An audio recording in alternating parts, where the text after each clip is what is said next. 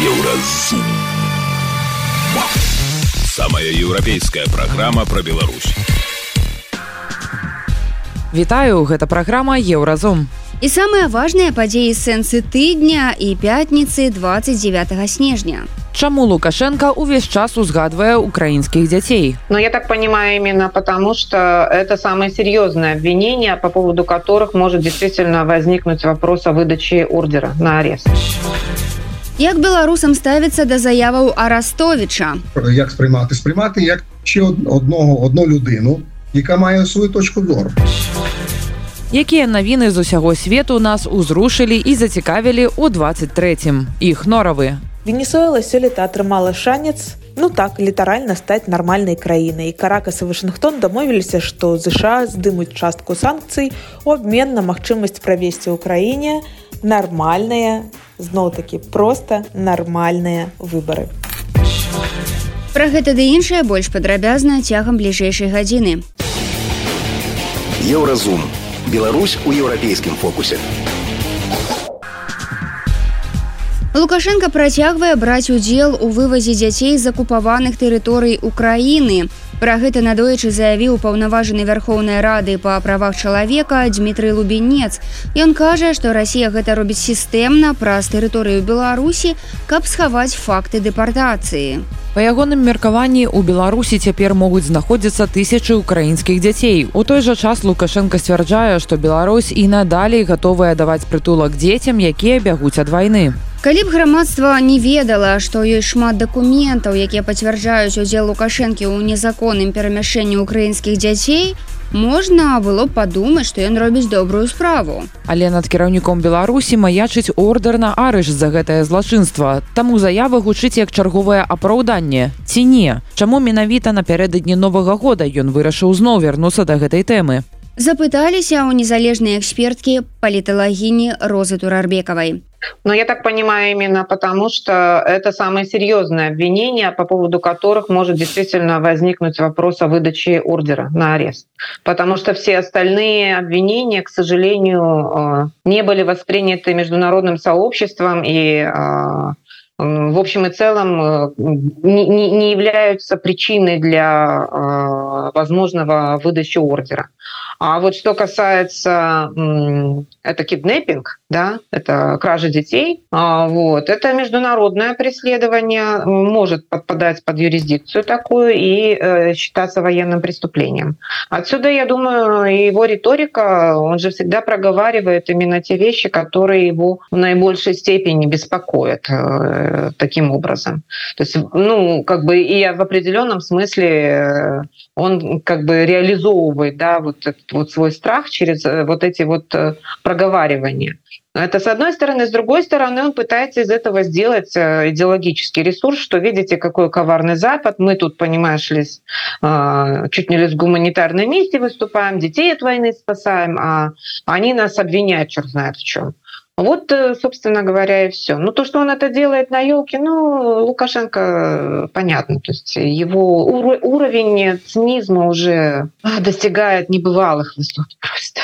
Учора у нас в эфиры быў Павел латушка з якім мы у тым ліку абмяркоўвалі вось гэтую ініцыятыву нау каманды якая збірае доказы удзелу лукашэнкаўскага рэжыму ў злачынствах у дачыненні вось гэта як вы кажаце кіднепінгу і э, я спытаўся у Павла палча что ўсё ж таки чакаць якога працягу будзе ў 24 годзе ордер ці не і прагучалі такія словы На жаль что на шляху да прыняцця такога рашэння шмат перашкодаў у тым ліку адсутнасць палітычнай волі у асобных дзеячоў лідараў палітыкаў і гэтак далей і тут можа быть вот ваше меркаванне сапраўды справа у палітычнай волі. І калі так то ці ці что можа пераадолець гэта вето палітычнай волі. Да я думаю что отчасти он прав. Я имею в виду что отсутствует такая политическая воля. Тем более что сейчас э, наступает вот этот вот э, цикл новый да избирательный цикл в США И, к сожалению, я думаю, что вот имеется в виду именно это. Потому что застрельщиками такой, такой инициативы могли быть именно Соединенные Штаты. И к Соединенным Штатам уже потом присоединяется Европейский Союз. Европейский Союз известен тем, что он как бы выступает в качестве такой моральной, конечно, силы, но никогда не выступает в качестве силы, которая достаточно жестко там предлагает какие-то жесткие меры, да. Вот. Но, знаете, в свое время, когда война начиналась, и здесь в Вильнюсе на мэрии появился вот этот вот огромный плакат, да, «А, «Путин Гага ждет тебя», а, вот. Мне это казалось, честно говоря, достаточно утопичным, но теперь, как мы с вами видим, а, это не, не утопия, ордер выдан, и это становится серьезным препятствием для реализации Путиным внешней политики – он не может теперь позволить себе э, приезжать на очень многие саммиты, а многие лидеры просто-напросто отказывают ему в том, чтобы он приезжал. Э, только такие, как Китай, могут себе позволить, например, да, пригласить Путина, и им за это ничего не будет. А вот. Всем остальным, конечно, это непозволительно, или, вернее, они не могут себе этого позволить, скажем так. Теперь, что касается Лукашенко, а, я думаю, что э, ситуация будет двигаться все-таки в сторону увеличения возможности выдачи ордера. Но, конечно, а, очень много зависит от того, кто победит э, в США на президентских выборах и как будет меняться политический климат в Европе. Потому что в Европе тоже предстоят некоторые изменения. А, вы видите, что поднимается а, популярность правых. А, вот лично у меня еще вызывает э, определенные опасения ситуация в Германии. Пока это как бы на таком локальном местном уровне, я имею в виду рост популярности АФД и крайних левых. Но в случае, если крайние левые АФД объединятся, то у них в повестке в общем и целом стоит сокращение помощи Украине. Какой уж тут ордер на Лукашенко? Тут до ордера на Лукашенко вообще не дойдут, не дойдут руки. Поэтому э, в этой связи, да, такой, я бы сказала, осторожный пессимизм пока э, достаточно как бы адекватно э, выражать. Я, в частности, вот то, о чем говорит Латушка, оцениваю как осторожный пессимизм. Працягваем размову нашага рэдактара з метра лукашука з розай турарбекавай дарэчы два пытання адразу мяне ўзнікла. Першае Ну да можа быть нейкае абмежаванне у контактах большее у выпадку с Путиным Я не ведаю наколькі большее у выпадку з лукашенком можа быть і так мало дзе рукапаціскальны і так мало куды ездзе. Ну можа быть спалохаецца якая-нибудь эквітарыальная гвінея чарговая умоўная і не запросіць яго яго э, не прымець з-за гэтага. Але э, ці реально у любым выпадку Ну вот крамя таких незручнасцяў э, палітычна-дыпламатычных что сапраўды той на каго выпісаны гэты ордер я маю на увазе Пуціна ці лукашенко апынецца на лаве падсудных у газе Да, это, конечно, большой вопрос э, и сложный, сложно на него ответить, потому что представить себе ситуацию, что Путина арестовывают и он едет в Гагу на скамью подсудимых, это, конечно, сложно себе представить. А, вот. И пока ничего не указывает на то, что это в ближайшее время возможно, скажем так. Но вы знаете, я хочу сказать, что за последние четыре года произошло столько всего, что уже ничего исключать нельзя. А то, что э, был выдан этот ордер, э, это не как бы не конъюнктура политическая, это серьезная принципиальная оценка действия Путина. И в отличие от политической конъюнктуры, э, право, э, оно на то и право, да, что оно должно быть последовательным, поступательным, не как это, как юристы говорят, неотвратимым. И э, тут уже вопрос, через сколько лет он окажется на э, скамье подсудимых. А ближайшие годы вряд ли, но это не означает, что это э, неотвратимо. А, достаточно посмотреть, как э, ловили Слободана Милошевича. Его же далеко не сразу, если вы помните, да, он далеко не сразу оказался на скамье подсудимых. То же касается всех военных преступников, которые в Югославии. И это касалось не только сербов, это касалось и хорватов в том числе. И не только хорватов. А, в общем и целом, сама по себе постановка этого вопроса именно уже в таком правовом ключе свидетельствует о том, что, скорее всего, это будет реализовано, но вопрос, когда, а, каковы будут условия, контекст для реализации этого. Поэтому это возможно даже может случиться через несколько десятилетий. Вот как. То есть э, суть э, права заключается именно как раз не в том, чтобы политически конъюнктурно сейчас решить вопрос, а в том, чтобы э, э, посадить человека на скамью подсудимых вне зависимости от того, какой, э, каков срок давности этих преступлений. Его преступления не имеют срока давности. Вот в чем дело. Я понимаю, что это крайне слабое утешение сейчас для нас и для, например, украинцев. А, вот. Но тем не менее. Я на так э, достаточно а, с осторожным, скажем так, оптимизмом. А, и на память мне приходят очень многие вещи, например, связанные с э, тем, как боролись с рабством, а, вот, как по сей день как бы э, ликвидация вот этих вот последствий рабства. Придется отвечать. В этом как бы суть и смысл моральной силы закона. Если она таковая есть, это моральная сила, я имею в виду в первую очередь, конечно, суды на Западе, в первую очередь, э, в том числе в Гаге. А, я, я уповаю на то, что это все не, неспроста. У меня очень много в этой связи есть исторических примеров, поэтому не могу сказать, наберитесь терпения, может быть, лет через 50, если Путин будет жив, он окажется на скамье подсудимых. Но право неотвратимо, я в это верю. У эфіры еўрарадыё была паліталагіня роза турарбекова. Яна патлумачыла чаму лукашенко ўвесь час вяртаецца да тэмы вывазу украінскіх дзяцей і паразважала ці будзе ён пакараны за гэтае злачынства супраць чалавецтва. Еўрарадыё кропка фм Далей у праграме еўразум. Як беларусам ставіцца да заяваў арастовича як спрыматы спрыматы як ще одного одну людину яка мае свою точку зору. Якія навіны з усяго свету у нас узрушылі і зацікавілі ў 23 іх норавы венесуэла сёлета атрымала шанец. Ну так літаральна стаць нармальнай краінай. Каракас і вашынгтон дамовіліся што ЗША здымуць частку санкцый у абмен на магчымасць правесці ў краіне нармальныя зноў-такі проста нармальныя выбары. Сустрэнемся пасля навінаў спорту Еўразум.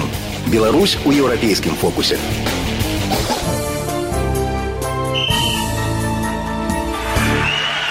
На еўрарадыё навіны спорту. За правалы ў еўракубках футбалістам і трэнерам беларускіх клубаў і зборнай збіраюцца знізіць столь заробкаў на тысячы рублёў. Адпаведны дакумент падрыхтавалі ва ўрадзе, паведамляе люстэрка.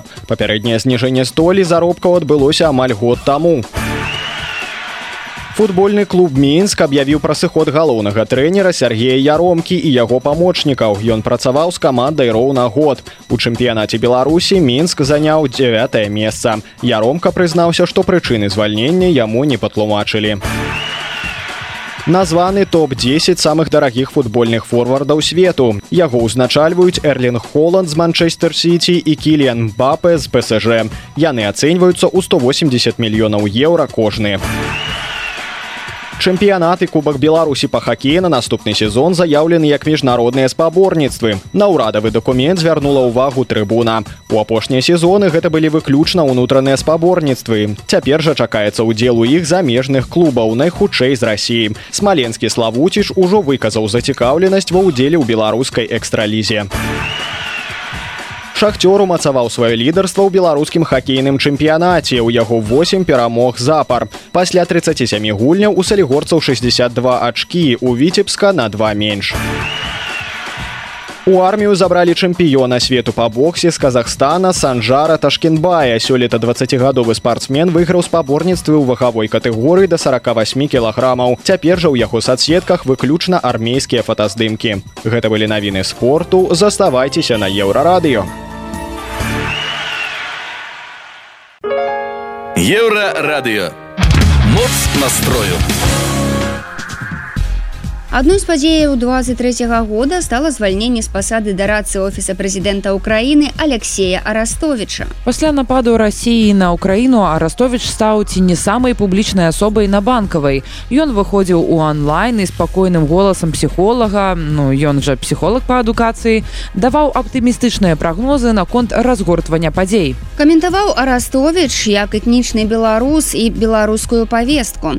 Тлумачыў украінцам, чаму беларускі народ не роўны на лукашенко ну і не грэбаваў сустрэчамі з беларускімі дэмакратычнымі палітыкамі. Аднак праз некарэктную заяву пра абставіны паражэння расійскай ракеты жылога дома ў дняпры арастовича адправілі ў адстаўку. Праўда з публічнага поля ён не знік. Пра галоўныя падзеі года ва ўкраіне мы пагутарылі з намеснікам дырэктара украінскага цэнтра даследавання войска канверсій і разбраення михаилом самусім. Ну якщо чесно виділити таку одну подію дуже важко тому що якщо згадати було мені сьогодні там на кількох ефірах спитали от яка зараз ситуація чи дійсно така зараз депресивна погана ситуація для України кажу давайте згадаємо що було в грудні 22-го року коли вагнерівці перли там на Бахмут, коли е, Київ взагалі був без світла, і на нас е, летіли просто ракети десятками кожного дня, і, і так далі. То зараз ситуація, мабуть, не гірша ніж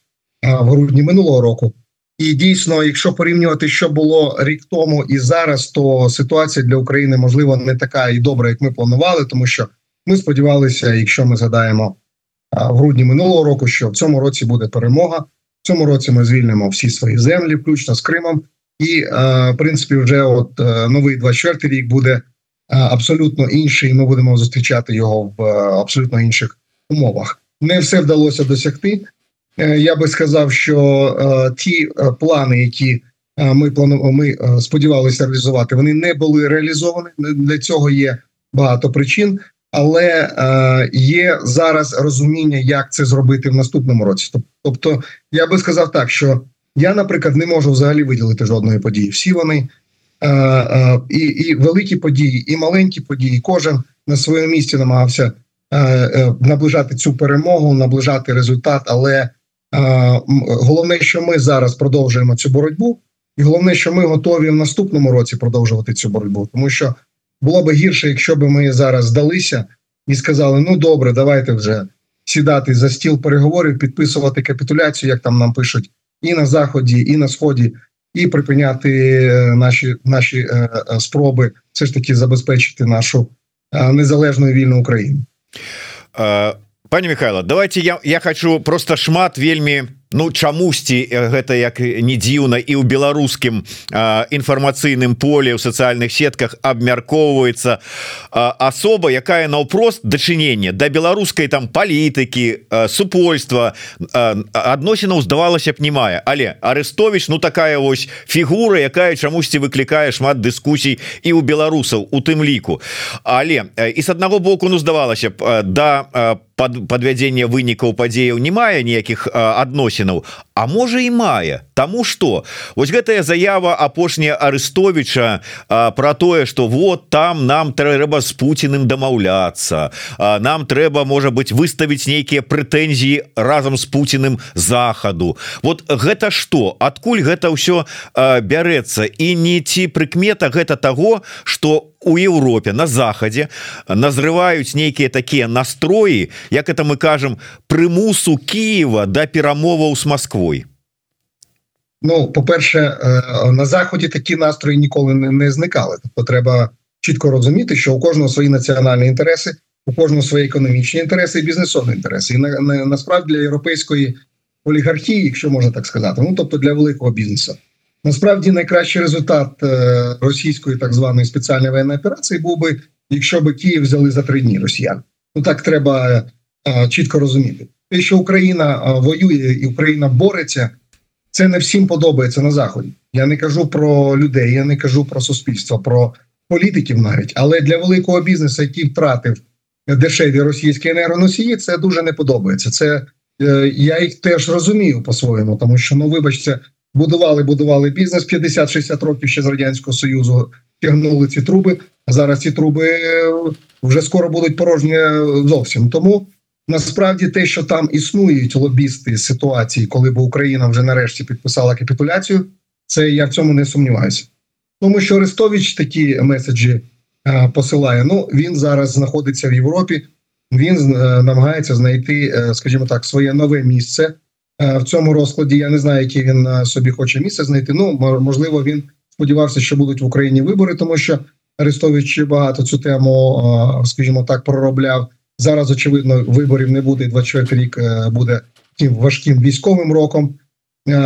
роком, який спрямований все ж таки на досягнення військових результатів, тут буде вже точно не до виборів. Але Арестовичу треба підтримувати свою популярність, свій рейтинг в соціальних мережах. Тому він може говорити в принципі що завгодно. Він вільна людина, і тут я би не став дивуватися. Просто треба розуміти, що насправді не всім подобається те, що Україна продовжує воювати. Не всім подобається, що з Росією припинили бізнес, і чим далі, тим цей бізнес буде все токсичнішим і недоречнішим для нормального бізнесу. І я думаю, що насправді, оскільки Україна не збирається припиняти цю боротьбу, то великому бізнесу європейському американському вже давно треба шукати, і на щастя, вони шукають альтернативи, можливості нові в умовах нової технологічної революції. Але те, що багато, скажімо так, політико-економічних груп в Європі ну дивились би непогано на те, що Україна би раптом сіла за стіл переговорів, підписала свою капітуляцію на будь-яких умовах. Я впевнений, що такі настрої і такі групи існують. Як беларусам рэагаваць на тое, што кажа Алексей Арастович, працягвае Михаил Самусь. ведаеце вот мяне нават здзівіла мне напісаў мой знаёмы беларус філадельфіі які там раптам піша Як ты что ты скажешь мне за арестовича Я говорю слухай якое дачыненне мае да мяне і да цябе арестові что ты мяне пытаешься? Ну что-то ён тут і па ЗША круціцца нейкія тут тэзы разводзіць і мы беларусы не ведаем як рэагаваць на тое вот что ён прасоўвае. а вот як рэагаваць беларусам на тое что мы чуем от арестовича а беларусы что вот нібыта ведаеце як яны э, слухаюць там нейкіх расійскіх блогераў дуда дудя там цікацца. Так з другого боку арестовича вот і вельмі давяраюць прыслухоўваюцца як быццам это ісціна в апошняй інстанцыі. Так вот э, як бы вы параілі ставіцца до того что ад яго чуюць? Ну перший закон це критичне мислення тобто до будь-якої інформації до будь-якої особи треба ставитися критично. І до мене і до вас, і до, до всіх. Тобто, всі ми маємо суб'єктивний погляд на цей світ через свої очі, через свій мозок. Тому е, абсолютно ніякої істини в останній в останній інстанції не існує. Тим більше о, у людей, які в принципі е, будують бізнес на соціальних мережах, які намагаються хайпувати на різних ситуаціях. Це не відноситься там е, виключно або тільки або до Арестовича, або до інших. Але треба розуміти технології процесу, тобто в принципі, Арестович також намагається бути десь на хвилі, намагається побільше підписників собі мати, і і так далі. В нього є там свої ще бізнес-проекти в психології, в різних е, сферах інших. Тому він набирає собі в школи, там на курси і так далі. Тому як як сприймати? Сприймати як ще одного одну людину, яка має свою точку зору, яка доносить якісь свої погляди, часто цікаві, часто. Е, контроверсійні, але кожен для себе вирішує, чи це е, підходить йому таке розуміння цього світу, такі світо, світопогляди, чи не підходять. Е, інколи мені Арестович, до речі, подобається, інколи не подобається, але це абсолютно не заважає мені розуміти його роль якусь політиці, часто деструктивно українській політиці. Побачимо, можливо, він прийде на вибори, і тоді виборці скажуть, наскільки він популярний реально. Тобто він зараз може багато говорити. Там у нього там кілька мільйонів підписників в різних соцмережах. А на виборах на виборах отримує менше одного відсотка. Так часто буває в реальному житті. Тобто, тобто критичне мислення і е, розуміння. Того, що кожен має свою точку зору, не більше і не менше. Це точка зору, в принципі. Вайсковы эксперт Михаил Самусь распавёў пра тое, як беларусам варта ставіцца да заяваў Арастовіча і якім стаўся 23 год для Украіны. Еўрарадыё Твая улюбёная хваля. Далей у праграме еўразум. Якія навіны з усяго свету у нас узрушылі і зацікавілі ў 23 іх норавы. Венесуэла сёлета атрымала шанец ну так літаральна стаць нармальнай краінай. Каракас і Вашынгтон дамовіліся, што ЗША здымуць частку санкцый у абмен на магчымасць правесці ў краіне нармальныя зноў-такі проста нармальныя выбары. Сустрэнемся пасля навінаў шоу-бізу. Еўрарадыё Твая улюбёная хваля.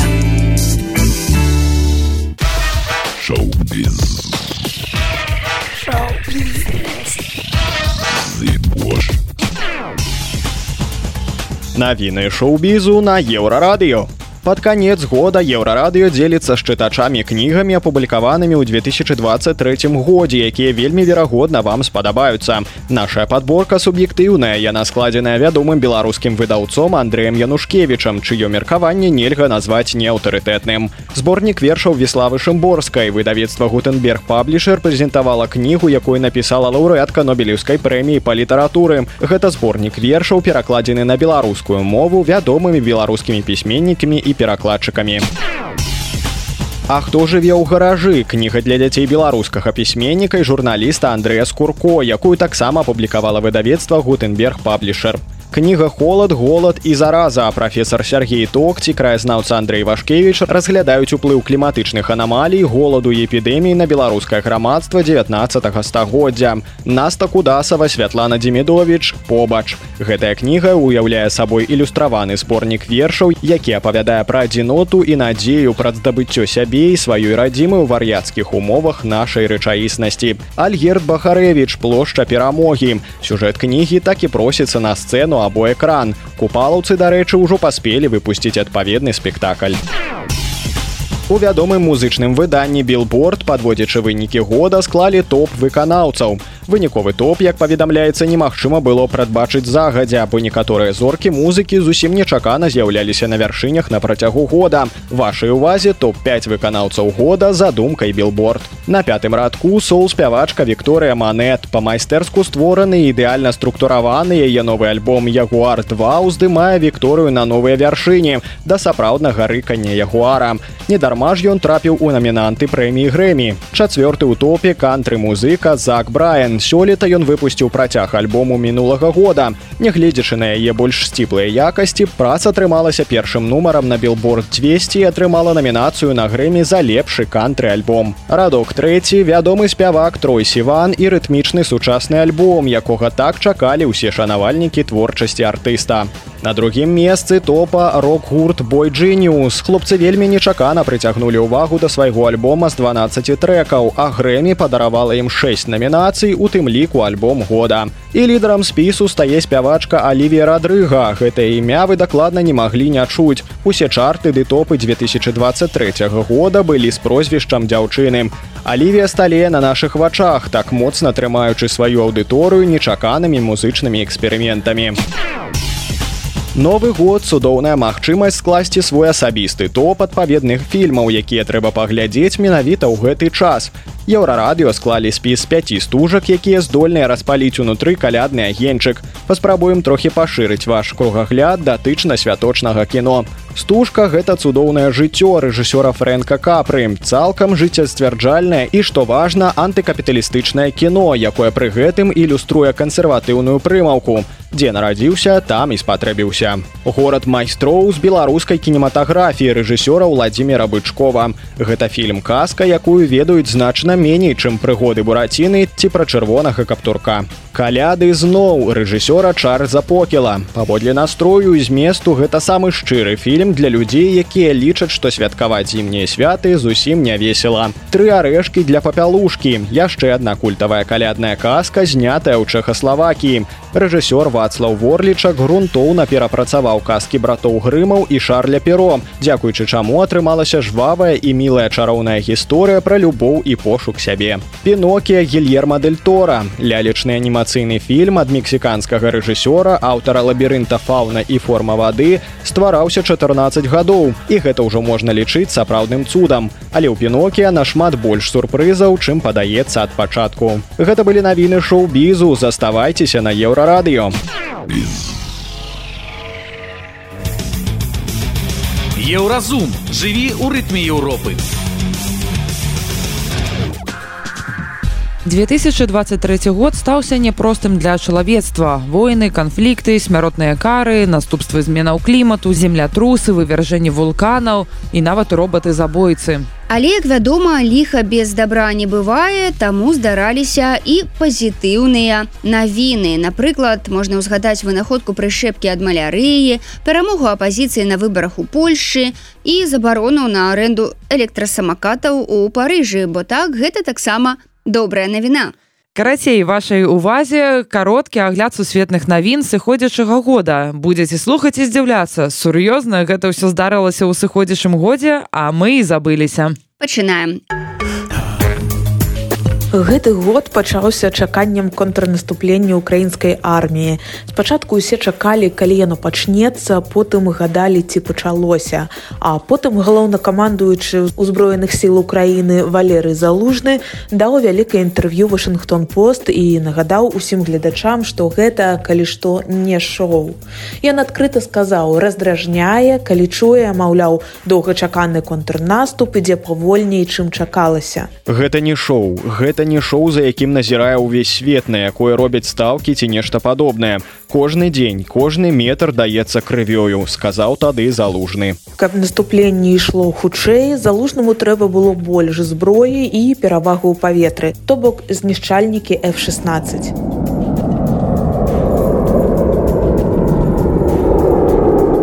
Ён сказаў пра ўсё гэта ў студзені, але в 16 на ўзбраенні украінскай арміі няма дагэтуль. Было сёлета і яшчэ адно контрнаступленне, якога ў адрозненне ад першага не чакаў ніхто. Вагнераўцы раптам развярнуліся і пайшлі ў бок Масквы, але пацярпелі зноў беларусы.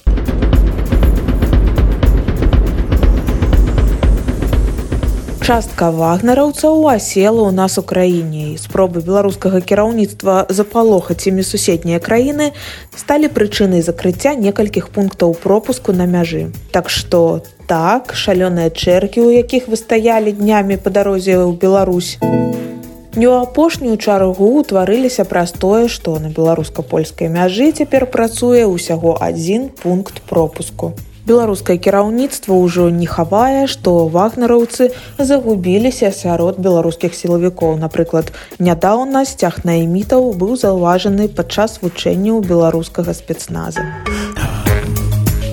Хацелі вы гэтага ці не гэты год прымусіў вас калі не разабрацца ў ізраільска-палестынскім канфлікце то хаця б паспрабаваць заглыбіцца ў яго ад падзей сёмага кастрычнікаў здрыгануўся ўвесь свет. І мы кажам увесь свет. Бо першыя дні вайны ізраіля і хамас мы і вы мы упэўненыя чыталі навіны з рэгіёна баючыся што тэракт баевікоў можа абярнуцца для ўсіх нас трэцяй сусветнай вайной. Памятаеце як вы сачылі за тым што адкажа хезбала і ці захопіць гэты канфлікт увесь рэгіён На гэты момант змянілася няшмат. Хамас усё яшчэ ўтрымлівае ізраільскіх закладнікаў, а мірнае насельніцтва газы пакутае. На каляды, якія многія хрысціяне адзначаюць 25 снежня папа-рымскі францішак заклікаў пакласці канец гэтай вайне, але ў 2024 год мы ўваходзім з яшчэ адным гарачым месцам на карце планеты.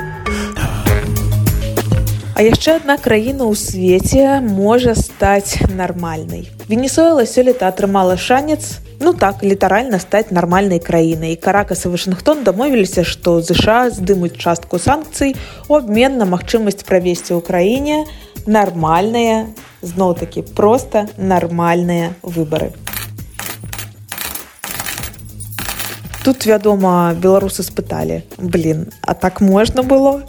Э, мы рассказывали вам ці можна было зрабіць гэтак жа у беларусі. Э, можете пачытаць наш матэрыял з александром фрыдманам дзе ён распавядае ці магчыма паўтарэнне такого сцэнара у нас. Венесуэла в принципе это страна если взять ресурсы а именно ресурсы а не столько географическое положение это очень важная страна. Именно по вопросам нефтяным большие, большие залежи нефти, поэтому это действительно с точки зрения влияния на мировые цены на нефть, это важная страна.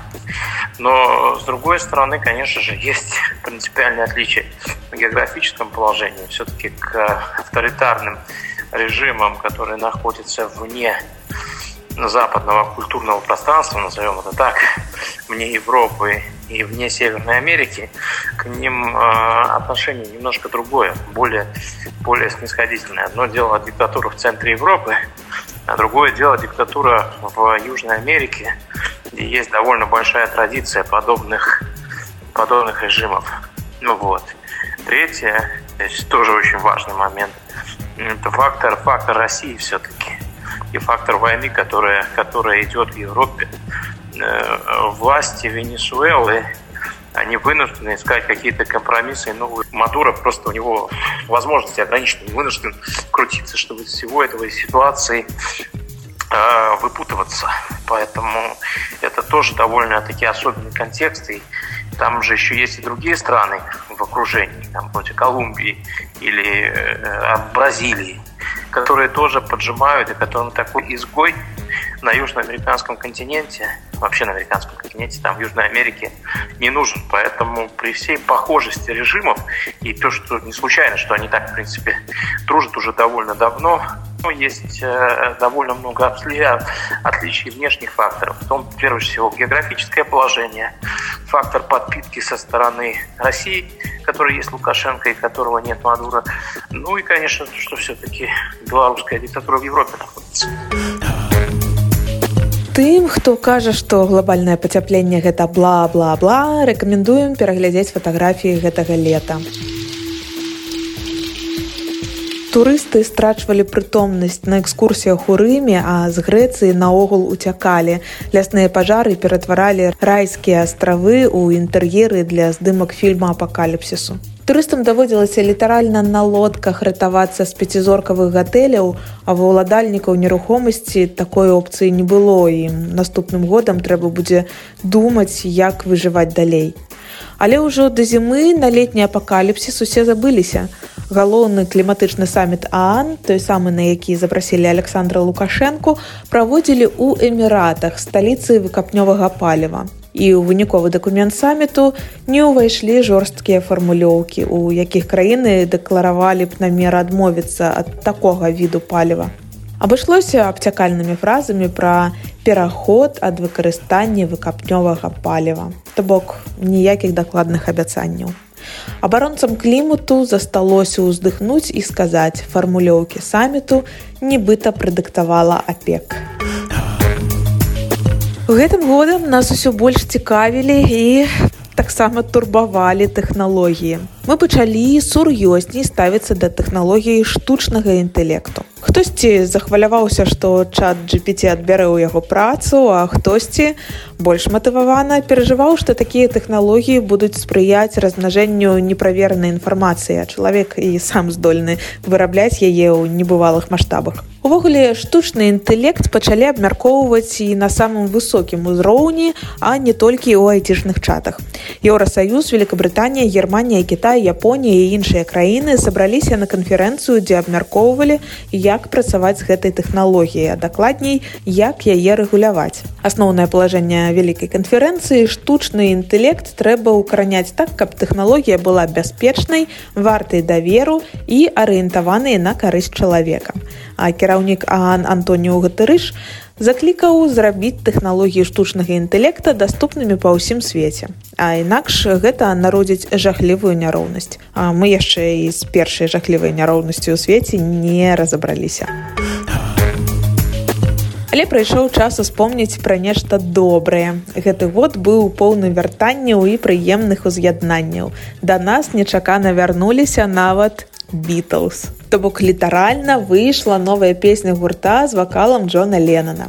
Забыліся пра гэтую навіну. Тэрмінова паслухайце сінгл Науэнзен. На стварэнне гэтай кампазіцыі першыя акорды, якой Джон Леннон запісаў яшчэ ў 88 годзе, агулам пайшло 45 гадоў, распавядае BBC. І ў працы над ёй бралі ўдзел усе чацвёра музыкантаў. When we lost John, we knew that it was really over. I was talking to Yoko and she said, Ah, I think I've got a tape of John. Paul called me up and said he'd like to work on now and then. He put the bass on, I put the drums on. It's the last song that my dad and Paul and George and Ringo will get to make together. How lucky was I to have those men in my life? Аснова кампазіцыі дэма-запіс, які зрабіў яшчэ Джон Ленан. На дэмцы ён падыгрывае сабе на раялі. У сярэдзіне 90-х трое удзельнікаў гурта спрабавалі працаваць з гэтым запісам і Джордж Харрисон паспеў запісаць для песні гітарная партыя. А летась два сэры Пол Маккартні і Рынгастар завяршылі працу над кампазіцыяй. З дапамогай спецыяльнай і зусім новай тэхналогіі голас Ленана удалося аддзяліць ад гукаў раяля і шумоў і цяпер запіс ідэальны. Ну што, здаецца, цяпер у вас ёсць першы трек навагодняга плейліста, праўда? Тады завязвайце з навінамі і бягом сабіраць падарункі. Інфармацыйная служба еўрарадыё. Гэта была праграма Еўразум, штодзённы інфармацыйны падкаст еўрарадыё. Кожны дзень мы распавядаем пра галоўныя навіны Беларусі і свету. А сённяшні выпуск скончаны. Беражыце сябе. Ну і шчаслівага новага году сябры. Няхай ён будзе лёгкім і радасным. Еўразум. Самая еўрапейская праграма пра Беларусь.